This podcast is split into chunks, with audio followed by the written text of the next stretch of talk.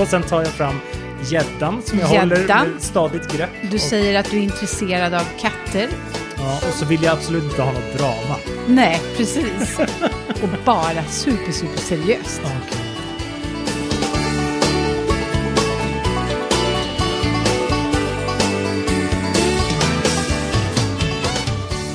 Karin, ser du vad som ligger här på bordet? Är det ett simkort? Halebop. Ja. Simkort.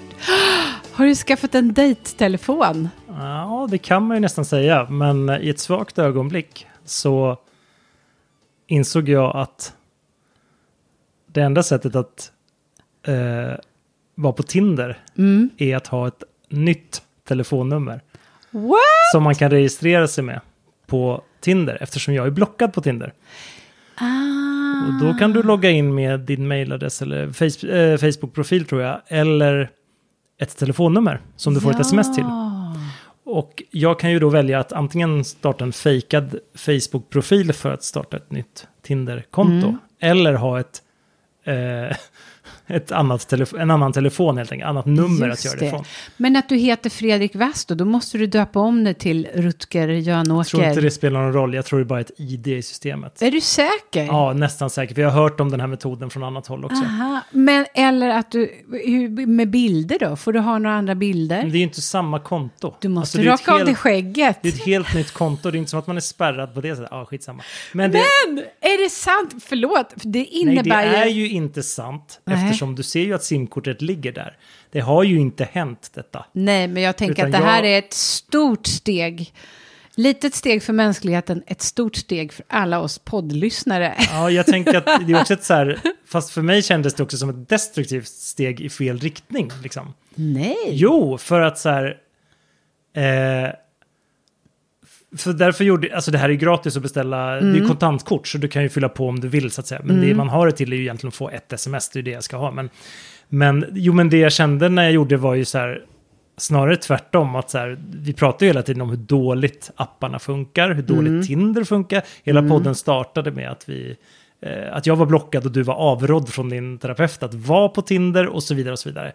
Och här är vi nu några månader senare och jag, att jag liksom den här dragningskraften att bara, "Nej, ja men jag ska, ja, det vore intressant, det vore kul att gå med igen liksom. Jag har ju inte gjort det än som sagt, men det ligger där på bordet och pockar. Men jag jag tänker så här, jag tänker att det har ju också handlat om vad man är i livet när man tar de här stegen. Och du har ju, gör ju faktiskt nu en massa renovering ja, av känner, ditt psyke och samt- ditt men just välmående. därför känner jag att det, att det kanske är jättedålig tid att hålla på med sånt där. Och framförallt, jag kanske snarare borde göra som ett av våra avsnitt heter, gräva där man står. Mm. Istället för att hålla på och starta en ny Tinder-profil och... Ja, ja, nej gud, jag vet inte. Men, Jag eh, tänker så här, du är inne på en resa nu. Eh, någonstans så finns det kanske en idé om att gå med på något forum när du mår så bra och känner dig så pepp. Så att det funkar. Och då är du redo. Mm. Då det behöver inte vara eh, mer än det. Men kul, grattis ändå. Jag tycker det är bra. Se positivt, se positivt på Ja, det det. Ja. Inte, inte som något... Nej, det, Nej. det tyckte jag var lite roligt. Jag får nästan lite rys. Jag kände att det var ett vägskäl som låg här på bordet. Och, Ja. alltså så att, och det är lite som Schrödingers dating-app. Att den, är, den finns, möjligheten finns att starta den igen. Den är inte startad. Men så länge det här simkortet ligger på köksbordet så finns möjligheten i alla fall. det är så du ska se det. Ja. Och kanske också att du då startar en profil som är helt annorlunda. Åh. Du rakar av dig håret, du säger att du Jag har är inget hår till att börja yngre. Skägget menar jag, förlåt. Ja, brösthåret för att raka av. Ja, Och sen tar jag fram gäddan som jag Gäddan. håller med stadigt grepp. du och, säger att du är intresserad av katter. ja, och så vill jag absolut inte ha något drama. Nej, precis. Och bara super, super seriöst. Åh gud. Ja, Ja, vi, vi tar... Det, det, vet du vad jag har gjort? Nej. Jag har inte köpt något simkort, men jag har varit på improvisationsteaters föreställning där jag var materialet Oj, oj, oj. Som man improviserade kring.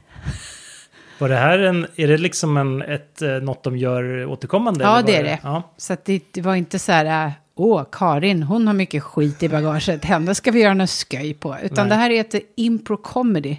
Och går ut på att man har någon på scenen som liksom får ge inspiration till roliga sketcher som sen görs. Mm. Och det här sa jag till i ett svagt ögonblick. Och i fredags när jag hade jobbat och var supersliten efter en hel vecka så var inte jag jätte, jätte pepp på att gå till den här scenen kan jag säga. Men var du tvungen att förbereda dig på något sätt? Nej. och det var lite det också. Jag är lite kontrollbehov. Så att de var så här, nej, du ska inte förbereda alls. Du ska bara berätta saker ur ditt liv. Oj, oj, oj. Ja, jag gick dit.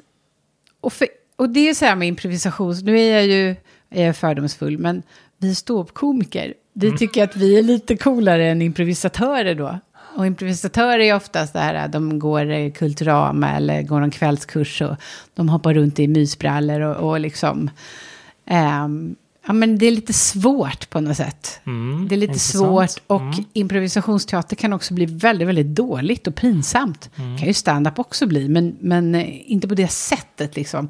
För här finns det också en, en otrolig så här, det finns mycket pre pretensioner in, inom... Men det är jätteintressant att jämföra en riktigt dålig stand-up-komiker med en riktigt dålig improteater-person. Vad som är värst att titta på som publik. Ja, jag är inte det... helt... Uh, ja, jag vet inte riktigt vad jag skulle välja, men ja. Ja, men jag tänker så här, en, en komiker som bombar, ja. då blir alla bara så här, ja, ah, fan, hon bombar då kanske man går av scenen lite och ja, sen så är det så här, ja men det är inte mer med det. Så kommer nästa komiker som är lite rolig.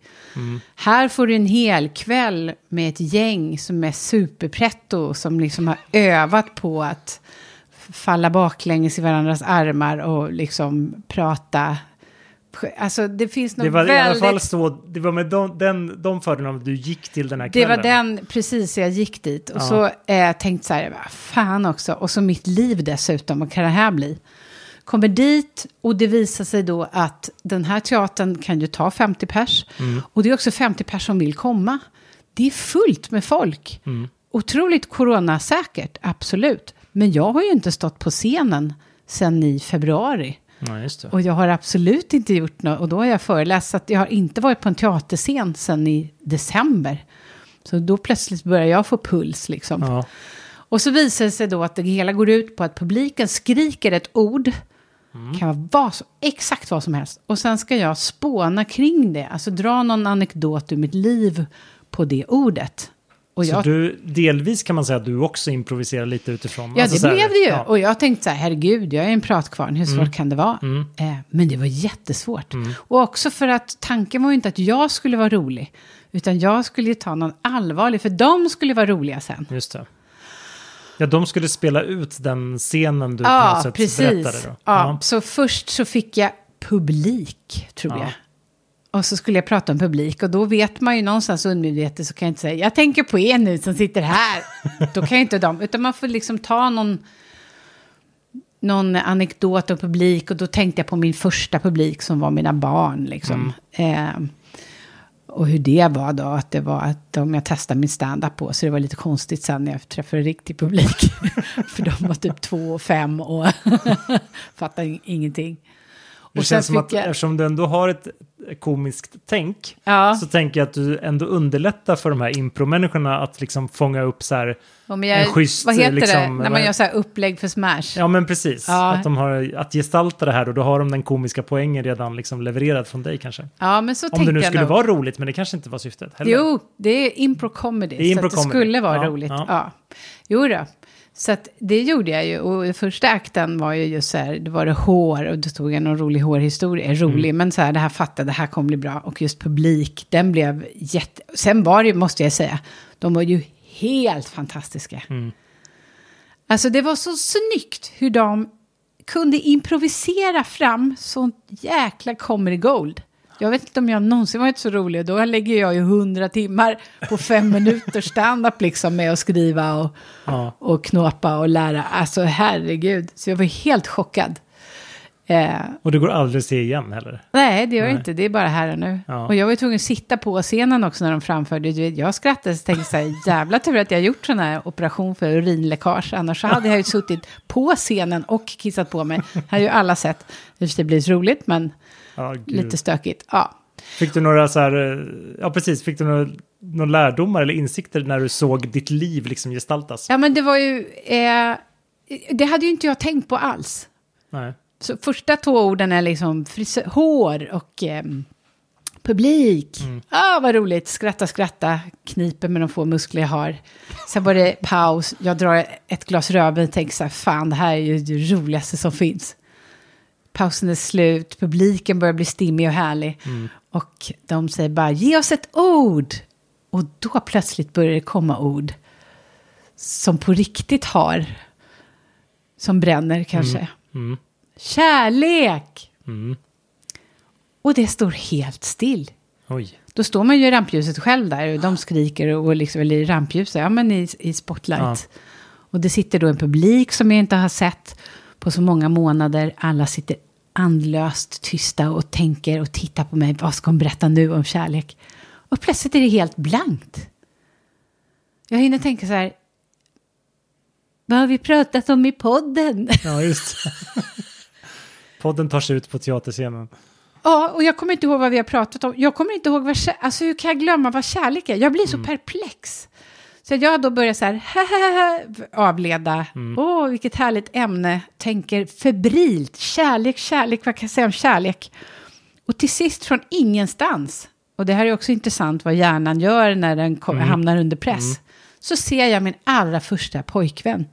Mina första pojkvänner. För när jag var fyra år, jag minns inte om jag har berättat det här. Mm, kanske inte. Så var jag tillsammans med Otto och Brickard.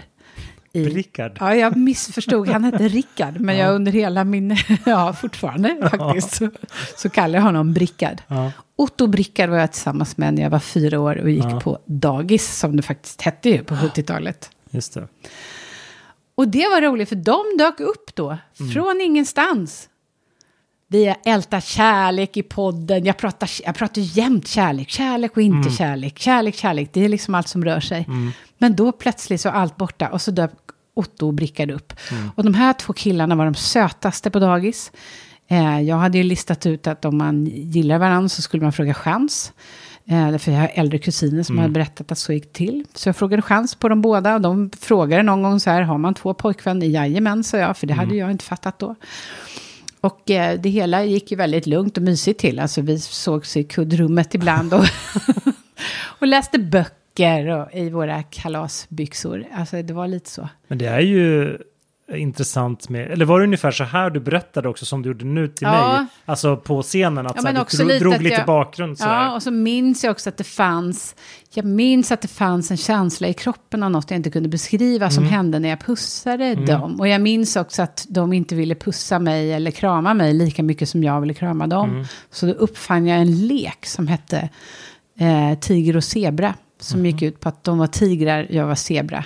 De jagade mig och sen kastade de ner mig på marken. Satte sig på mig och bet mig i halsen. Jag är fyra år alltså, Ja. det här är avancerat. Och det hela kärlekshistorien slutar en dag. När de steg upp till mig båda två och sa det känns inte schysst. Ja. Den här leken känns inte schysst. Och det känns inte schysst att vi är två. Bara, vi har boundaries och nu, är- nu är gränsen nådd. Och jag, alltså plötsligt har jag bara berättat den här historien då för 50 pers som sitter där och har betalat biljetter för underhållning. Och jag hinner knappt inse att gud, jag har ju sagt någonting som jag vet inte vad. vad så sätter ju hela den här gruppen då Ja. igång och improviserar runt där och gör sketcher. Och ur den här då scenen som jag har berättat växer då den här extremt dominanta kvinnan som sätter väldigt hårda gränser och kör med folk och hur ska kärlek vara och det här ska vi ha. Det utvecklar sig nästintill någon slags, inte övergrepp, men ändå sådär. Hade metoo funnits för, för killar på det sättet så hade de skrikit det. Ja, just det. Och det, publiken grät av skratt, det blev ju så roligt. Ja. Men då grät ju inte jag kan jag säga. Nej. För då såg jag bara, då såg jag mitt liv. Och jag såg så här, men gud det här har jag aldrig sett. Var jag dominant som fyraåring redan? Just det. Och körde. Ja, så det, hela kvällen blev bra, det var jätteroligt. Men det var flera sådana scener sen Ja. som spelades upp där efter paus. Där det gjorde, jag ska inte säga ont. Men där jag fick se mig själv i spegeln lite grann. Men det är ju någonting med... Jag, du, Samtidigt som jag hörde publiken, ha! ja. Ja. Nej, men det, när du berättar framförallt den där storyn om, eh, om eh, första killarna. Jag tänker på det finns, man brukar ju prata om barnatro, men det finns ju också någonting extremt så här ursprungligt i just det här liksom barns sätt att, vad ska man säga, känna kärlek. Och jag minns ju, jag, minns, jag kommer också ihåg eh, den första tjejen jag Mm. typ hade eller var intresserad av på dagis också. Ja, det var så tidigt. Ja, hon hette Ja. Victoria. Vilken? Jag tror till och med att, jag säger inte hennes efternamn nu, men jag tror, att, jag tror att jag kommer ihåg efternamnet och jag tror någon gång att jag har googlat henne för att kolla så här, undrar vad hon gör idag typ. För vi bodde ju i Stockholm då och, nu, och sen flyttade vi till Norrköping. Så att, du vet, man hade ju ingen kontakt med efter det, med de Nej. personerna. Men, men just det här att, jag minns också som, det så här lekar som skulle vara lite så oskyldiga, men ändå, det var ju liksom mer än bara lek. Det ja, var det ju det. fanns ju något Och det var så där. himla tidigt. Och nu blir man ju också intresserad av så här, hur, vilken prägel har det satt i ens kommande relationer. Liksom. Ah.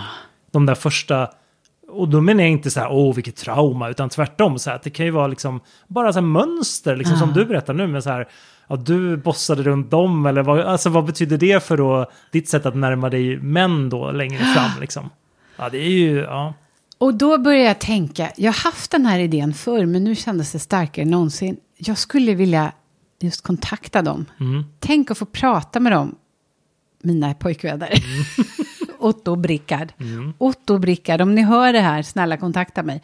Men tänk att få intervjua dem. ja. Hur var jag? Hur, hur upplevde ni Nu var, ju de, nu var vi bara fyra. Ja. Eh, så, så då kanske man inte kunde säga någonting. Men tänk om jag kunde få intervjua alla killar jag har haft. Och nu, I, även i så att säga, de, ja, äldre, de äldre alla. killarna. Tänk om jag kunde få träffa och intervjua alla killar jag har haft. Ja. Och då tänker jag så här, det är inte, och inte för att någon annan ska inte definiera mig, absolut inte.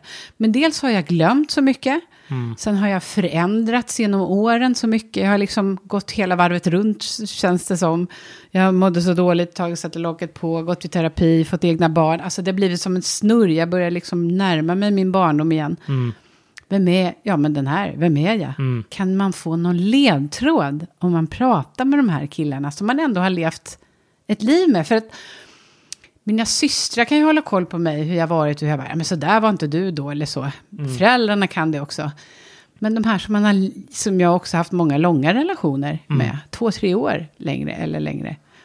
De var, kan ju allt om mig den perioden. Och de har man ju noll kontakt med. Men är det inte så att vi, eller minnesforskning och sånt där säger väl att man ofta har väldigt, dels att man, ens egna minnen inte Mm. alltid överensstämmer med faktiska händelser, men också den här tolkningen av någonting kan se helt olika ut olika personer. Så att skulle du prata då med någon kille du hade i tonåren eller vad det Ja. kan vara, så ni kanske har helt olika bild av vad som faktiskt hände och vad ni gjorde och vilka ni var. Och hur skulle du, tror du, liksom fejsa en sån insikt att du träffar då en av de här männen och bara Gud, så där var det verkligen inte. Du var så här och så här och så här och Ja, jag var det. så här. Och, Du var snål, grinig, osäker. ja, men vad vet jag, men det skulle ju kunna bli en sån, eh, liksom, ja, insikt.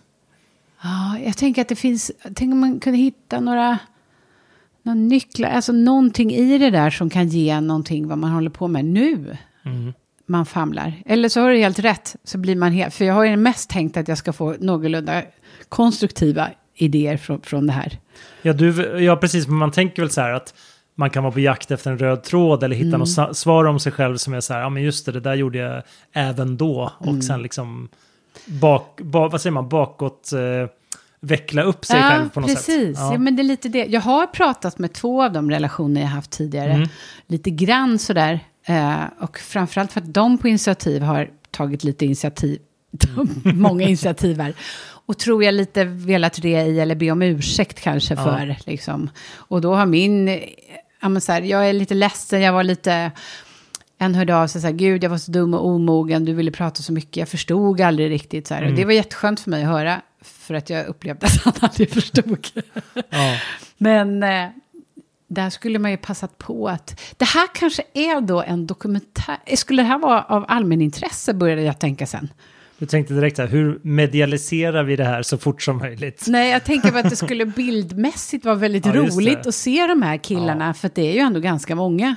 Jag, jag, yngre lyssnare kommer inte komma ihåg det här, men må, ma- många i vår ålder och äldre tänker väl på eh, Lill-Babs när hon var med i Här är ditt Ah, liv. Och.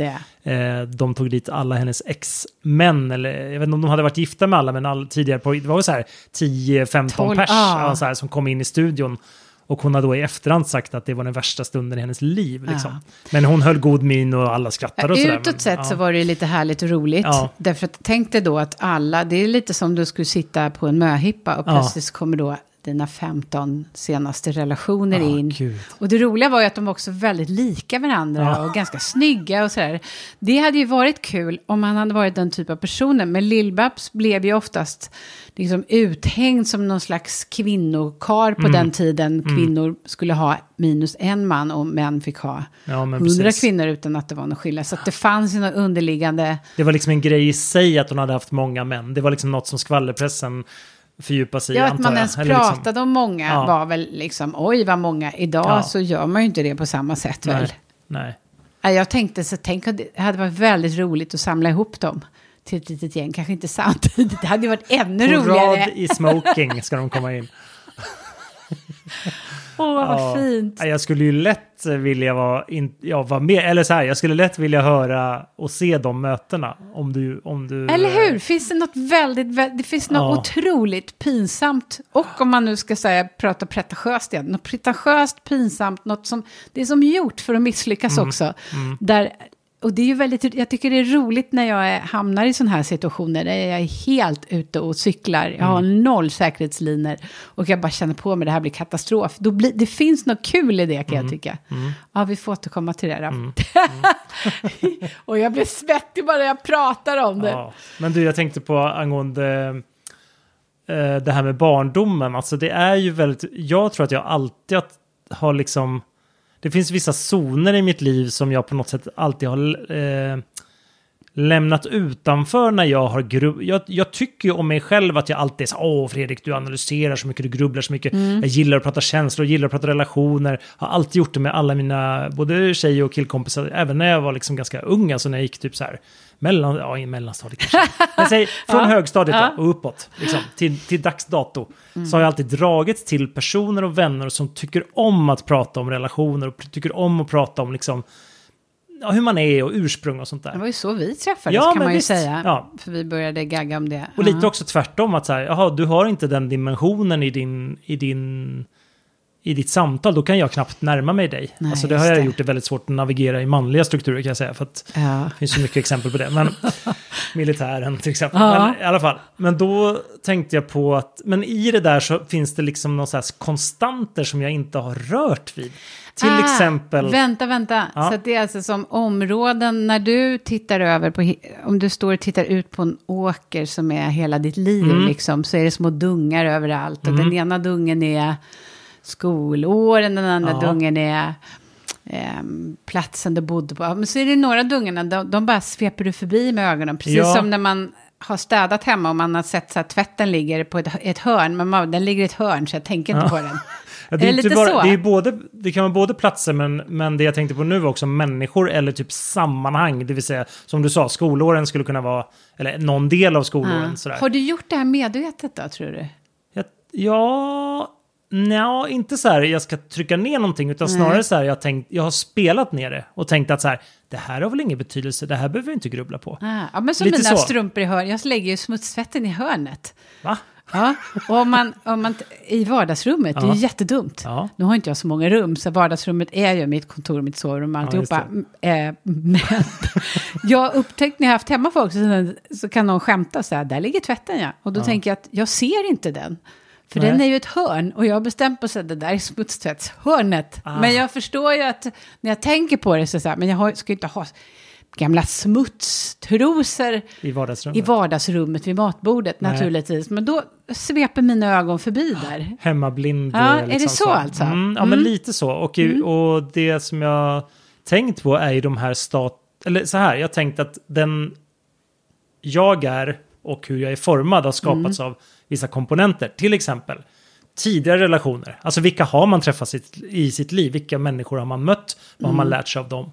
Läggning. Jag har tänkt mycket på så här, vad har man med sig för genetiska förutsättningar? Vad har man liksom för personlighetsdrag och i viss mån då ja, men kanske uppfostran i viss mån från föräldrarna. Så här, vad har man med sig liksom Sådär, men väldigt mycket så här, ja men jag är, har den här läggningen eller den här dragen, den, de här Alltså egenskaperna. läggning som i, jag är en optimist eller jag Ja, är, älskar att kämpa för jag har alltid kämpat. Ja, lite så. Eller liksom, och nu menar jag inte så här psykologiskt, vad säger man, diagnoser och sådär. Nej, utan, men, men är så här, men- mm. Vissa ju, ja, men man har lite olika liksom, personlighetstraits, så att säga, som man, som man har att använda. Liksom. Är man Mm. eh, lite försiktigt lagd, typ så, eller uppfostrad eller vad det kan vara.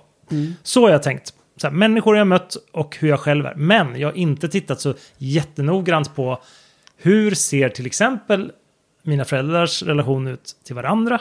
Eller närståendes relation med varandra? Alltså jag har ju hela tiden utgått från vem jag är, vad Din jag har i relation. mig. Så att säga. Ah. Vem är jag? Vad har jag utrustats med för, för läggning, uppfostran och genetik? Och Mm. vad har jag mött för människor? Och hela tiden det här, jag mot andra, jag mot omvärlden, jag mot så här. Och inte Ah. tittat så mycket på så här, hur kan saker jag har upplevt och sett i min om, alltså kring mig under uppväxten, Mm. Apropå då säger barnen. jag grattis till en Ja. stor hög med smutstvätt. Ja, Vad roligt precis. att börja rensa. Ja, och de där mönstren Ah. är ju intressanta. Och, och där är, finns det ju heller ingen så här... Det är ju inte som att det är så här på ett eller annat sätt. Eller att så här, någonting är dåligt, någonting är bra. Nej, utan det är nej. bara så här, alla människor har ju de här sakerna. Men det är ju, man vill leta efter förklaringsmodeller. Precis. Och när man har rensat och grejat på en massa olika områden så är det ju häftigt att hitta ett nytt område. Eller känner du att det är läskigt? Jag låter Mm. Ja. så himla van här, men du vet jag har terapiat Nej, så mycket nej. så att jag blir nästan så här, men gud! Det här har jag inte rotat i. Jag är väl alltid så här, det, med insikter som kommer, hur de insikterna än kommer, så det är en sak vad man, att få insikten är ju jättebra, sen är det så här, vad gör man av den? Mm. Och hur, vilka verktyg använder man för att liksom Ta det bara lugnt. använda det? Och det är väl det som jag, för jag är alltid sån ganska krass, att jag bara så här, ja ja men liksom, ehm, ja men jag kan vara som, som till exempel att läsa manualer eller att eh, lära sig nya saker. Att jag är väldigt mycket så här, man måste lära sig saker genom att bara göra det. Man måste göra det, det är så man lär sig saker. Jag vill inte sitta i långbänk och studera någonting för att sen, jag har ju en högskoleutbildning så uppenbarligen har jag klarat mig genom en akademisk liksom, värld. Men jag har också insett efter den utbildningen att när jag verkligen började lära mig saker, då var det liksom på fältet. Det var Ja, när jag gjorde det. saker, när jag liksom utsattes för risk, utsattes för utmaningar, utsattes för saker jag inte ville skulle hända. Det är då liksom lärkurvan var som Ja, brantast. Och så känner jag lite nu också att, att, så här, att det är det där man står inför lite grann. Alltså, Okej, man lyfter på de här locken, man får de här, Mm. man ser saker klarare, man ser så, okej, det där kan ha påverkat, det där kan ha påverkat. Ah, och sen då, vad, vad motsvarar att gå ut på fältet och göra det? Förstår du vad jag menar? Fast jag blir det tänker, för flummigt nu? Jag vet inte. Nej, det blir ja. inte för flummigt, men jag tänker att du angriper det lite för praktiskt. För jag antar att det här är saker som dykt upp när du gått och pratat hos din psykolog. Ja, Och då tänker jag att du har öppnat luckan till en ny, luckan till en ny förklaringsmodell. Vill Som- jag ha fempunkts powerpointen som bara säger så här. Ja, och utifrån den här Ja, insikten så är det nej. följande fem saker som Nej, du nej, behöver men göra. om du ser det som, och det här är ju, man får ju vänja sig lite, men om man ser det som, precis som du sa att det var, det här är varken negativt eller positivt, Mm. utan det här är en förklaring. Det är liksom ingen, det behöver, ibland är det ingen ursäkt, ibland är det ingen, så här, alltså om man bara bortser från det och tänker så här, vad säger det här om mig och vad jag gör idag? Mm. Det är då det blir häftigt tycker jag. Men det är sen, sen får, går man ju mellan hopp och förtvivlan ett tag. Mm. Innan man vet var man ska placera det här. Framförallt när man upptäcker saker som gör ont. Ja, och också vad man ska placera det i så att säga viktighetsgrad. Ja, absolut. För när du undersökt ett tag så kanske du kommer på att så här, ja, ja, det där, visst, det kanske var ju intressant, men så viktigt var det inte Nej, för precis. vad som hände sen. Och Liksom. det vet du inte nu, det Nej. vet du först sen. Ja. Det är ju kanske det läskiga då. Ja. Vad betyder det här nu då? Ja, men precis. Vill du säga något du upptäckt eller? Nej, jag tror inte att jag ens är, har kommit så långt. Utan Nej. det är mer att jag börjar se liksom, eh, vad ska man säga, kopplingar Mm. som är intressanta att forska vidare på. Det låter ju otroligt så här intetsägande. Men, Nej, inte alls. Jag Men, tänker att det är eh, precis som så här, wow, man upptäcker den. Ja. Sen kan man ju också upptäcka så många sådana saker. Någon gång vet Ja, jag ja. att jag själv har känt så här, Nej, inte det också. Ja, men till slut går man ju också liksom full, apropå gå full circle, eller Ja. Till slut blir man ju så, har man ju så många sådana kopplingar och trådar uppe att man Ja. blir så här, man får liksom backa hem och bara, okej, fast nu är, det, nu är det här jag är, Mm. i den här tillvaron just nu. Och liksom, man kan inte leva hela sitt liv i att bara relatera till det förflutna heller, tänker jag. Nej. Men det får ju liksom, det, där är jag ju inte än, så att säga. Nej, just det. Men dit kommer du. Ja. Och jag kunde ju... jag kunde ju också i en process när jag upptäckte till exempel ja, men så här, hur mamma och pappas relation har påverkat mig. Mm. Och hur den var när det började gå upp för mig. Mm. Så går man igenom den här fasen av besvikelse, ilska, hur kunde de göra så? Till att just se det neutralt. Och Mm. så säga, de gjorde så gott de kunde, saker har varit som de är. Vad gör jag med den här nya informationen för mig? Mm. Alltså utan att liksom eh, ringa upp och säga Nej, precis. Vad Ingen ska ställa till svars Nej, grej, nej, liksom. för det Nej. har inte med det att göra. Nej. Och, och det är också alltid ens egen upplevelse. Jag och mina systrar har helt olika upplevelser av vår Ja. uppväxt till exempel. Så det gör ju att jag kan ju liksom inte dra in min uppväxt i ansiktet på dem. Men däremot så, det som jag upplever är ju sant, eller har Ja. upplevt. Det Men kan jag förhålla mig Jag till. tänker att det är lite där också det här jag pratar om läggning kommer in också. Mm. Alltså så här att just, just jag som individ, hur jag så att säga uppfattade vissa Ja, ja. Liksom, ja, det skapade min sanning och det betyder inte som du säger att, att det var allas, alla andras sanning så att säga, utan det var liksom Nej. min sanning då. Mm. Jag tror att när den poletten om hur mina föräldrars relation har påverkat mig, det var ju när jag separerade från barnens pappa. Mm. För då var det ju någon som sa till mig när jag var så fruktansvärt ledsen och knäckt och sa, men är det den här bilden du vill? Är det den här bilden av kärlek som du vill att dina barn ska ha med sig när de sen skapar sin relation? Och då förstod jag på riktigt, och då förstod jag också så här att det är så cirkulärt. Jag kan inte säga, ja, mamma och pappa gjorde så här, för nu gör ju jag andra saker mot mina barn. Alltså så här, Nu börjar jag tänka på, på Ja, just det, min det var dotter. inte- nej, men, nej, men tvärtom. Jag tänker Ja. så här, för att just nu så lever ju hon i en tillvaro där, där båda hennes föräldrar, alltså hennes sanning är ju att hon inte har levt med ett par föräldrar på samma ställe. ja, men alltså, nu pratar jag inte om föräldraskap, jag pratar om kärlek. Jo, men jag menar hon ser ju inte kärlek, hon ser ju inte mig utöva kärlek menar jag. Nej, till men- en annan vuxen. Inte än. Nej, inte än. Och det kan ju fortsätta länge menar jag. Om det skulle vara så. Vi pratar ju till vi en, vi pratar ju precis Ja. om fyraåringen liksom. Ja, visst. Mm. Ja. Min dotter är drygt två, så det är inte så långt Men jag kvar. tror det är värre att se en relation som inte är kärlek, men där man säger är kärlek. Ja, men det tror jag än också. att inte ha kärlek alls. Ja. Mm. Nej, men jag tänkte just på, på vilka mönster man får av det. För alla får ju mönster oavsett om det, om det är harmoniskt eller underbart eller vad det kan vara. liksom. Absolut. Och, då är, och om man börjar tänka så, så släpper väl den här skulden och kraven lite grann. Mm. Därför att jag kan ju aldrig peka finger och säga något. Fan har du gjort? Därför att nästa generation kommer göra exakt samma sak mot mig. Oh, arvsynden. Ah. Tänk om man skulle ha en improvisationsteatergrupp som stod bredvid där när man var hos terapeuten. Gud. Och sen gestaltade det här.